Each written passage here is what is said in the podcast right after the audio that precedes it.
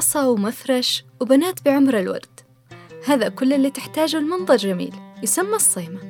مستحيل تلقاه إلا في شهر رمضان وبالتحديد في اليمن. في حلقة اليوم مشهد مميز وعادة مميزة تأتي في رمضان لتحيي الذاكرة وما بها من ذكريات وقصص ارتبطت بهذه العادة. هذه طقوسنا وعاداتنا واليوم هذه صيمتنا.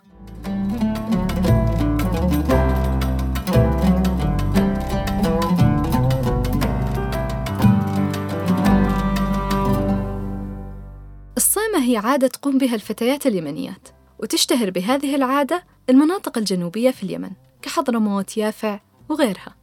والصيمة اسم مشتق من الصوم اللي يدل على ارتباط هذه العادة ونشأتها في شهر رمضان الكريم وحده دون الشهور الأخرى.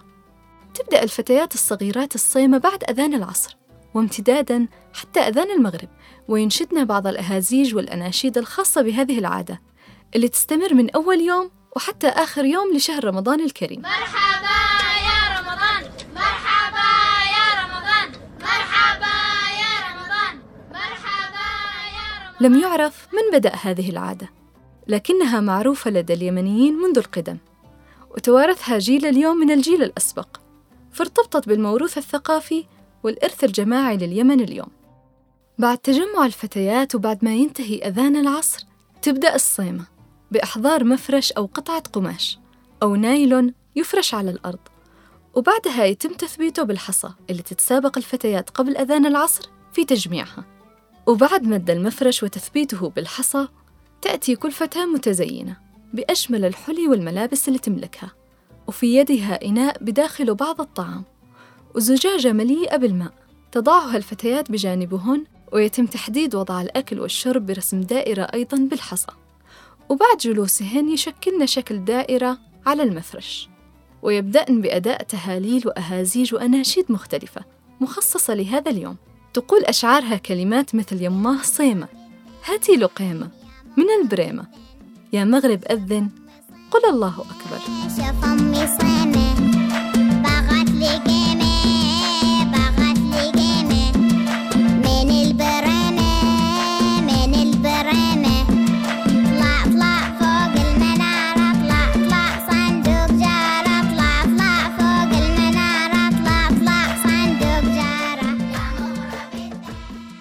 تهدف هذه العادة في المقام الأول لإسعاد الأطفال وترسيخ حب رمضان والصيام في قلوبهم وأيضا لتعويدهم على الصيام وتمضية الوقت المرهق للصيام بالإنشاد وبالتجمعات اللي تجعل الأطفال متحمسين بوجود أقرانهم وتخفف عنهم عناء وقت الصيام الطويل وحيدين.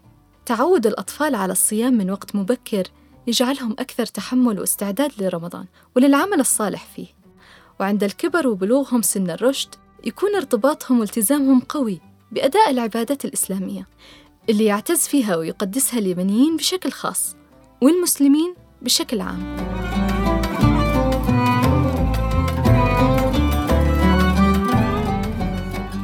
يرسم المشهد اليمني لوحات بألوان زاهية في أدائه وابتهاله بشهر رمضان وبالطقوس الإسلامية ويزينها بربطها بالمقدسات وطلب الأجر والثواب من الله في كل وقت وحين. وربط الأطفال أيضا وتعويدهم على هكذا عبادات منذ الصغر بطرق سهلة ومحببة لهم. والحلقة ثانية والأجواء وعادات وأطباق رمضانية جديدة. لنا لقاء قريب. سلام.